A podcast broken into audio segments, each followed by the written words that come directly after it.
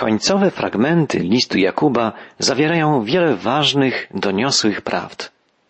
Przeczytajmy na początek dwunasty wiersz piątego rozdziału listu. Przede wszystkim, bracia moi, nie przysięgajcie ani na niebo, ani na ziemię, ani nie składajcie żadnej innej przysięgi, ale niech wasze tak będzie tak, a wasze nie, niech będzie nie, abyście nie byli pociągnięci pod sąd. Jakub powtarza tu naukę Jezusa skazania na górze. Treść tej nauki była bardzo ważna w okresie pierwotnego Kościoła. Jakub nie ma na uwadze tego, co dzisiaj nazywamy brzydkimi słowami, ale mówi o składaniu oświadczeń, obietnic i przysiąg. W starożytnym świecie istniały dwie niezdrowe praktyki. Czyniono różnicę, szczególnie w świecie żydowskim, pomiędzy przysięgami wiążącymi i przysięgami, których dotrzymanie nie było konieczne. Każda przysięga, w której bezpośrednio wymieniano imię Boga, była uważana za wiążącą. Wynikało to z przekonania, że skoro imię Boga zostało wymienione, to przez samo to stawało się takie przyrzeczenie jakby czymś wciągającym Boga jako uczestnika danej transakcji. Dlatego uznawano je za absolutnie wiążące. Jeżeli natomiast imię Boga nie zostało wymienione, nie był on partnerem tej transakcji. Wskutek tego rozwinęła się daleko posunięta umiejętność formułowania takiej przysięgi, która nie byłaby wiążąca. Stąd praktyka potwierdzania czegoś za pomocą przysięgi stała się zwyczajną kpiną. W tamtych czasach przysięganie było zresztą praktyką szeroko rozpowszechnioną. A kiedy przysięgi stają się bardzo częste, powszechne, przestają być należycie respektowane. Praktyka częstego przysięgania jest dowodem szeroko rozpowszechnionego kłamstwa. W uczciwym społeczeństwie przysięgi nie są właściwie potrzebne. To brak zaufania do człowieka wymaga złożenia przez niego przysięgi. Myśliciele starożytni całkowicie zgadzali się w tej sprawie z Jezusem i z jego apostołami. Na przykład Filon powiadał, częste przysięganie prowadzi do krzywoprzysięstwa i do bezbożności. Rabini żydowscy powiadali, nie przyzwyczajaj się do przysiąg, bo wcześniej czy później zaczniesz przysięgać fałszywie. Myśliciele greccy powiadali, że najlepszym gwarantem prawdziwości jakiegokolwiek oświadczenia jest nie przysięga, lecz charakter człowieka, który składa to oświadczenie. Ideałem jest więc stanie się takim człowiekiem, od którego nikt nie odważa się żądać przysięgi, ponieważ jest pewien, że człowiek zawsze mówi prawdę. Chrześcijanin powinien być takim człowiekiem, od którego nie trzeba wymagać przysięgi. Biblia nie potępia przysięgania w ogóle, ale ubolewa nad ludzką skłonnością do kłamania, która to skłonność powoduje, że w szczególnych sytuacjach złożenie przysięgi staje się koniecznością. Musimy być świadomi tego, że każde słowo jest słyszane przez Boga. Dlatego każde nasze słowo powinno być prawdziwe. Nasze tak powinno znaczyć tak. Nasze nie, nie. Kończąc swój list, apostoł Jakub pragnie podkreślić to, co dla wyznawców Jezusa Chrystusa jest szczególnie istotne. Pisze, że ludzie Chrystusa, tworzący Kościół, powinni być ludźmi wiary, ludźmi modlitwy, ludźmi, którzy wielbią Boga, ludźmi dobrych czynów. Najpierw Jakub pisze o Kościele Chrystusa, że powinien to być Kościół radosny, śpiewający. W trzynastym wierszu czytamy Cierpi ktoś z was? Niech się modli. Jest ktoś w dobrym nastroju? Niech śpiewa psalmy. Spotykamy tu bardzo charakterystyczne cechy pierwotnego Kościoła. Był to Kościół śpiewający. Pierwsi chrześcijanie trwali w łamaniu chleba, w czytaniu słowa i w śpiewaniu psalmów. zawsze byli gotowi do śpiewania. Śpiew był integralną częścią ich spotkań. Wychodzenie łaski Bożej na spotkanie poganom przypominało apostołowi Pawłowi radosny śpiew psalmisty Będę Cię wyznawał między poganami i będę śpiewał imieniu Twemu. Tak apostoł pisze w piętnastym rozdziale listu do Rzymian, cytując psalm osiemnasty. Chrześcijanie mogą rozmawiać ze sobą poprzez psalmy, hymny i pieśni duchowe, śpiewając i nucąc w sercu swoim Panu. Tak pisze apostoł narodów w liście do Efezjan. Słowo Chrystusowe mieszka w ludziach wierzących i dlatego pouczają oni siebie przy pomocy psalmów i pieśni duchownych, śpiewając z dziękczynieniem w sercach swoich Panu. To cytat z listu do Kolosan. Radość w sercach chrześcijańskich wyraża się w pieśniach chwały, wielbiących miłosierdzie i łaskę Boga. Głównym akcentem chrześcijaństwa jest radość. To właśnie wywarło szczególne wrażenie na wielu ludziach, którzy stali się chrześcijaninami. John Bunyan, autor wędrówki pielgrzyma, bardzo znanej powieści, pisze, iż przysłuchiwał się rozmowie czterech ubogich niewiast. Zdawało mi się, że sama radość zmusza je do tej rozmowy. Gdy Binnej, męczennik, dostrzegł cud odkupieńczej łaski, powiedział, wydaje mi się, że w środku nocy zauważyłem brzask nowego dnia. Pierwszy biskup terenów arktycznych, Archibald Lang Fleming, przytoczył kiedyś powiedzenie pewnego Eskimosa. Przed Twoim przyjściem droga była ciemna i dlatego baliśmy się. Teraz już się nie boimy, ponieważ ciemność znikła. Idąc za Jezusem, stale znajdujemy się w blasku światła. Pierwotny kościół był rozśpiewanym kościołem. Kiedy Pliniusz, rządca Bityni, opisywał w 111 roku naszej ery cesarzowi rzymskiemu Trajanowi nową sektę chrześcijan, powiadał, że zwykli byli w dniu oznaczonym przed świtem zgromadzać się i modlitwę do Chrystusa, jakby do Boga, wspólnie śpiewać. Śpiewano hymny na cześć Chrystusa. W ortodoksyjnych synagogach żydowskich od upadku Jerozolimy w roku 70 naszej ery nie było muzyki. Jest to swego rodzaju wyraz żałoby po tamtej tragedii. W chrześcijańskim kościele od samego początku aż do czasów dzisiejszych słyszy się muzykę chwały i uwielbienia. Kościół Chrystusa może bowiem i powinien się cieszyć ze zwycięstwa Jezusa nad śmiercią i grzechem. Chrześcijanie zawsze powinni odczuwać wdzięczność względem Boga. Jego niezmierzona miłość, Jego cudowna, zbawiająca łaska to wystarczające powody do radowania się, do wdzięczności, do śpiewu. Już teraz chrześcijanie powinni cieszyć się swoją przyszłą chwałą. Kościół Jezusa Chrystusa powinien być kościołem radosnym, śpiewającym, kościołem opiewającym Bożą chwałę i miłość. Powinien też być kościołem uzdrawiającym, pisze dalej apostoł Jakub. W czternastym i piętnastym wierszu piątego rozdziału listu Jakuba czytamy Ktoś z was choruje, niech zaprosi starszych kościoła i niech się modlą nad nim, namaszczając go olejem w imię Pana. Modlitwa, odmawiana z wiarą, zbawi chorego i Pan go podźwignie. A jeśli popełniłby jakieś grzechy, zostaną mu odpuszczone. Bardzo ważną cechą wczesnego Kościoła była jego troska o chorych. Tradycję tę Kościół odziedziczył od judaizmu. Chory Żyd raczej szedł do rabina niż do lekarza. Rabin namaszczał go olejkiem i modlił się nad nim. Tylko nieliczne społeczności religijne tyle uwagi poświęcają swoim chorym, co pierwotny Kościół. Justyn Męczennik pisze o niezliczonej rzeszy opętanych, uzdrowionych przez chrześcijan.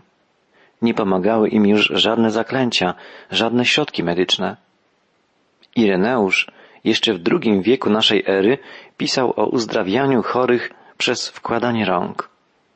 Tertulian w połowie III wieku opowiadał, iż sam Cezar rzymski Aleksander Severus został uzdrowiony przez namaszczenie olejkiem. Dokonał tego chrześcijanin zwany Torpacjon, którego z wdzięczności cesarz aż do swojej śmierci trzymał w pałacu jako honorowego gościa. Jedną z najwcześniejszych książek mówiących o działaniu Kościoła jest kanon Hipolita, pochodzący z końca II i początku III wieku naszej ery. Czytamy tam, że ludzie posiadający dar uzdrawiania, po dokładnym przebadaniu i upewnieniu się, czy pochodzi ten dar od Boga, powinni być ordynowani na starszych, na prezbiterów. W tej samej księdze znajdujemy część modlitwy wypowiadanej przy konsekracji miejscowego biskupa. Brzmi ona następująco. Udziel mu, o Panie, mocy do rozrywania wszelkich więzów złego, wpływu demonów, do leczenia wszystkich chorych, by mógł położyć szatana pod swoje stopy. W listach Klemensa zawarte są obowiązki diakonów, z których jeden brzmi tak. Niech diakoni wspólnoty zachowują się roztropnie i niech będą oczami biskupa. Niech odszukują chorych na ciele i powiadamiają o tym całą wspólnotę, aby zostali odwiedzeni i otrzymali niezbędną opiekę. W pierwszym liście Klemensa znajdujemy taką oto modlitwę Kościoła. Uzdrów chorego, podnieś słabego, dodaj odwagi małodusznemu. W pierwotnym kościele przestrzegano zasady, by w każdej wspólnocie przynajmniej jedna wdowa troszczyła się o chore kobiety. Przez wiele stuleci Kościół stosował namaszczanie jako środek uzdrawiania chorych. Warto wspomnieć, że sakrament namaszczenia w pierwszych wiekach zawsze był uważany za środek leczniczy, a nie jako przygotowanie do śmierci. Dopiero po roku 852 a więc w połowie IX wieku naszej ery, sakrament ten stał się sakramentem ostatniego namaszczenia, sprawowanym w Kościele katolickim w celu przygotowania do śmierci. Kościół Chrystusowy zawsze troszczył się o chorych i zawsze, od początku swego istnienia, rozporządzał darem uzdrawiania. Przełożeni Kościoła, starsi wspólnoty, są dziś tak samo wezwani do modlitwy o chorych i do udzielania im pomocy, jak kiedyś. Pan Jezus Chrystus jest największym lekarzem i o tym przekonują się współcześni chrześcijanie, tak jak chrześcijanie na przestrzeni wieków. Wyznawcy Jezusa Chrystusa powinni być ludźmi modlitwy. Kościół chrześcijański to modlący się Kościół. Apostoł Jakub wzywa, wyznawajcie sobie wzajemnie grzechy i módlcie się jedni za drugich, abyście zostali uzdrowieni. Bardzo skuteczna jest wytrwała modlitwa sprawiedliwego. Eliasz był człowiekiem podobnym do nas. Usilnie się modlił, aby nie padał deszcz. I deszcz nie spadł na ziemię przez trzy lata i sześć miesięcy. I znowu się modlił, i z nieba spadł deszcz, a ziemia wydała swój plon. W tym tekście znajdujemy trzy zasadnicze pojęcia nie tylko chrześcijaństwa, ale także religii żydowskiej, judaizmu. Już rabini wierzyli, że każde uzdrowienie z choroby musi być poprzedzone przebaczeniem grzechów człowieka chorego. Jeden z rabinów powiedział, nikt nie powraca do zdrowia, zanim Bóg nie przebaczy mu wszystkich grzechów. Oto dlaczego Jezus przystąpił do uzdrawiania człowieka sparaliżowanego, mówiąc, Synu, odpuszczone są ci grzechy Twoje. Nikt nie może przeżyć uzdrowienia duszy, umysłu i ciała, zanim nie pojedna się z Bogiem. Po drugie, spotykamy tu przekonanie o potrzebie wyznawania grzechów wobec ludzi, szczególnie wobec tych, przeciwko którym zgrzeszyliśmy, oraz oczywiście wobec Boga. Czasem łatwiej jest wyznać swoje grzechy przed Bogiem niż przed ludźmi, a jednak należy pokonać obie bariery. Pierwsza z nich oddziela nas od Boga, a druga od naszych bliźnich. Obie te bariery mogą być usunięte, jeżeli wyznanie grzechów będzie dokonane zarówno przed Bogiem, jak i przed ludźmi. Człowiek musi pojednać się zarówno z Bogiem, jak i z bliźnimi. I po trzecie, przede wszystkim spotykamy się w tej wypowiedzi Jakuba z pojęciem nieograniczonej mocy modlitwy. Żydzi powiadali, że człowiek modlący się otacza swój dom ścianą silniejszą niż żelazna. Pokuta może czegoś dokonać, ale modlitwa może uczynić wszystko. Modląc się, człowiek kontaktuje się z mocą Boga. Modlitwa jest kanałem, przez który moc i łaska Boża zniżają się do problemów życia. Jakże wielkie znaczenie posiada ona w życiu chrześcijanina. Przez modlitwę przybliżamy do siebie miłosierdzie i moc Boga. Zapamiętajmy, uzdrowienie naszego życia wymaga pojednania z Bogiem, pojednania z ludźmi i trwania w wytrwałej modlitwie. Ostatnie słowa listu Jakuba brzmią następująco. Bracia moi, jeśli ktokolwiek z was zejdzie z drogi prawdy, a ktoś go nawróci, niech wie, że ten, który nawrócił grzesznika z jego błędnej drogi, zbawi jego duszę od śmierci i zakryje liczne grzechy.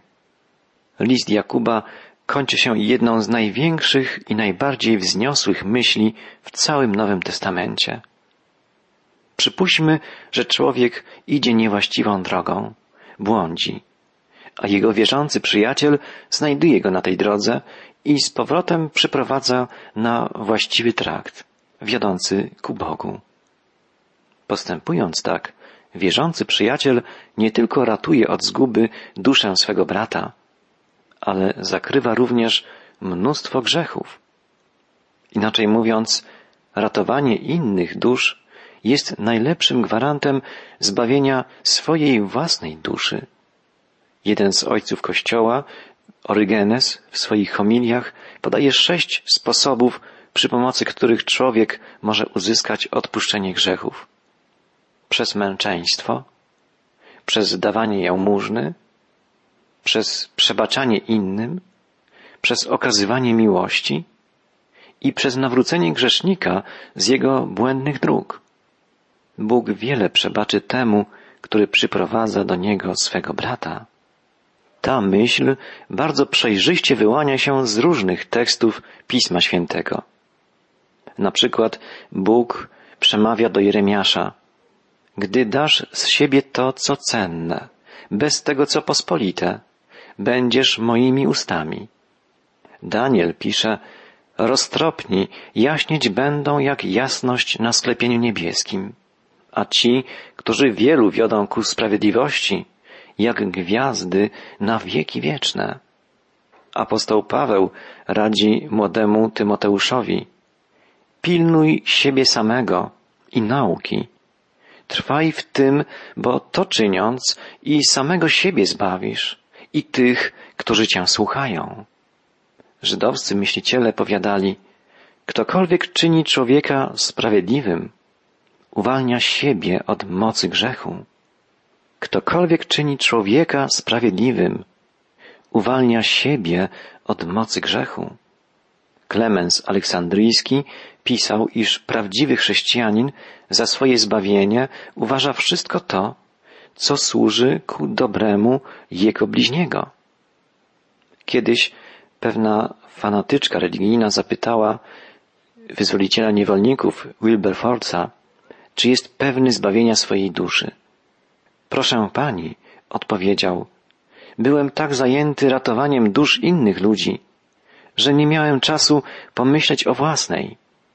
Ci, którzy wnoszą światło w życie innych ludzi, nie mogą trzymać go poza sobą.